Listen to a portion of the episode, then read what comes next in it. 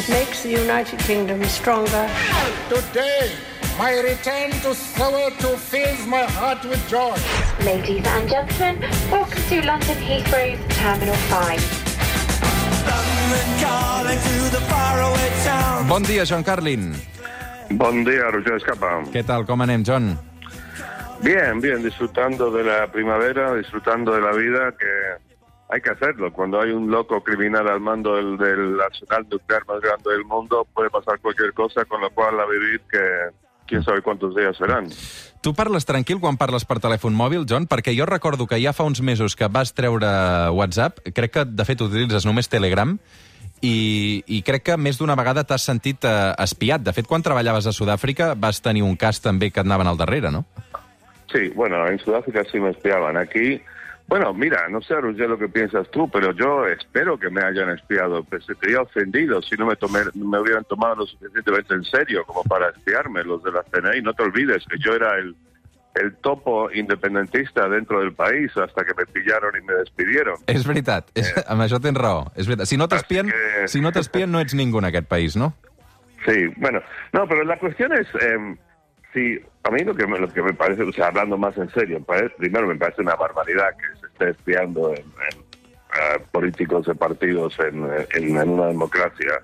Eh, y, segundo, eh, ¿qué uso es este de, mi dinero, de tu dinero, del dinero de los oyentes? En esto son, somos nosotros los que estamos pagando con nuestros impuestos por este Pegasus que eran, no, di- dijimos ahora, acabo de escuchar 6, mil, 6 millones de dólares, ¿no? Por este programa israelí de Pegasus, Sí, pero sí. después, pero después eh, toda la gente que tienen que emplear para escuchar, o sea, son mucha, mucho tiempo, muchas horas de, de- de escuchas, ¿no? Tienes que escuchar a 63 eh, políticos indepes hablando por teléfono y, y quién sabe cuánta gente, cuánta gente más. Ahora me parece todo un total disparate y, y es otro síntoma más de ese ambiente disparatado que, que, se, que se vivió en España, en Cataluña, durante esa época más febril del, del proceso. Mm.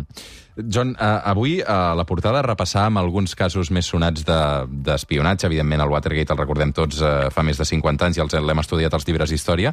Eh, explica'm el teu cas a Sud-àfrica. Què va passar exactament eh, i com t'espiaven? Perquè aquella època suposo que els telèfons mòbils no estaven encara tan a l'ordre del dia. És a dir, et punxaven el telèfon fix de casa, eh, t'enviaven Sí, sí, sí, un sí, espia pues, que seguia els teus el moviments? Teléfono, el teléfono fijo de mi casa. En, en aquella época em, creo que estaban em- empezando los teléfonos móviles, pero no se usaban mucho. Em, no, yo me acuerdo, yo yo, em, yo viajaba mucho y tenía una, una señora que, que vivía ahí conmigo, con- que, me, que me cuidaba, la señora de limpieza, y me acuerdo que me dijo una vez que que entró un tipo que dijo que venía a arreglar no sé qué cosa eléctrica y claramente después deducimos que había instalado un, un, un aparatito ahí. Bueno, a ver, lo que pasó en Sudáfrica, eh, bueno, ahora, ahora lo, lo recuerdo, me, me, hace gracia, pero en ese momento era bastante siniestro, porque la, la, la policía política, digamos, se llamaba la policía de seguridad y tenían dentro de la policía de la seguridad, la Security Police, una unidad que eran el Escuadrón de la Muerte. Y había un coronel que se llamaba Eugene de Kock, que era el jefe de, los escuadrones de la muerte. Yo estaba escribiendo sobre él, yo me había enterado de lo que estaba pasando, ya había escrito sobre las cosas que este escuadrón de la muerte hacía, y, estaba claro que me tenía en sus miras. Te, te contaré que después de que llegara Mandela a la cárcel, a ese tipo lo juzgaron y lo metieron en la cárcel de cadena perpetua y lo condenaron por responsabilidad en 106 asesinatos. Entonces, em, la historia con este hombre, que era, le llamaban, em, ¿cómo le, llamaban sus propios colegas, le llamaban maldad primaria, creo que era su, su, su, su apodo, eh, que por cierto lo entrevisté una vez, que bueno, otro día te contaré eso, fue increíble. Pero em, hacia el final del apartheid, una, una amiga mía, compañera con la que yo había estado, estado trabajando en las investigaciones, se fue al club de la policía en Pretoria a tomar unas copas y se sentó a tomar copas con este hombre, Eugene de Kock, jefe de los escuadrones de la muerte. Él había tomado varias copas y de repente le dice, oye, disfruté mucho de eh, leyendo las transcripciones de tus entrevistas con John Carlin. eh, sois muy simpáticos, sois muy divertidos. ¿Te acuerdas de esa vez cuando tú dijiste esto y John dijo lo otro?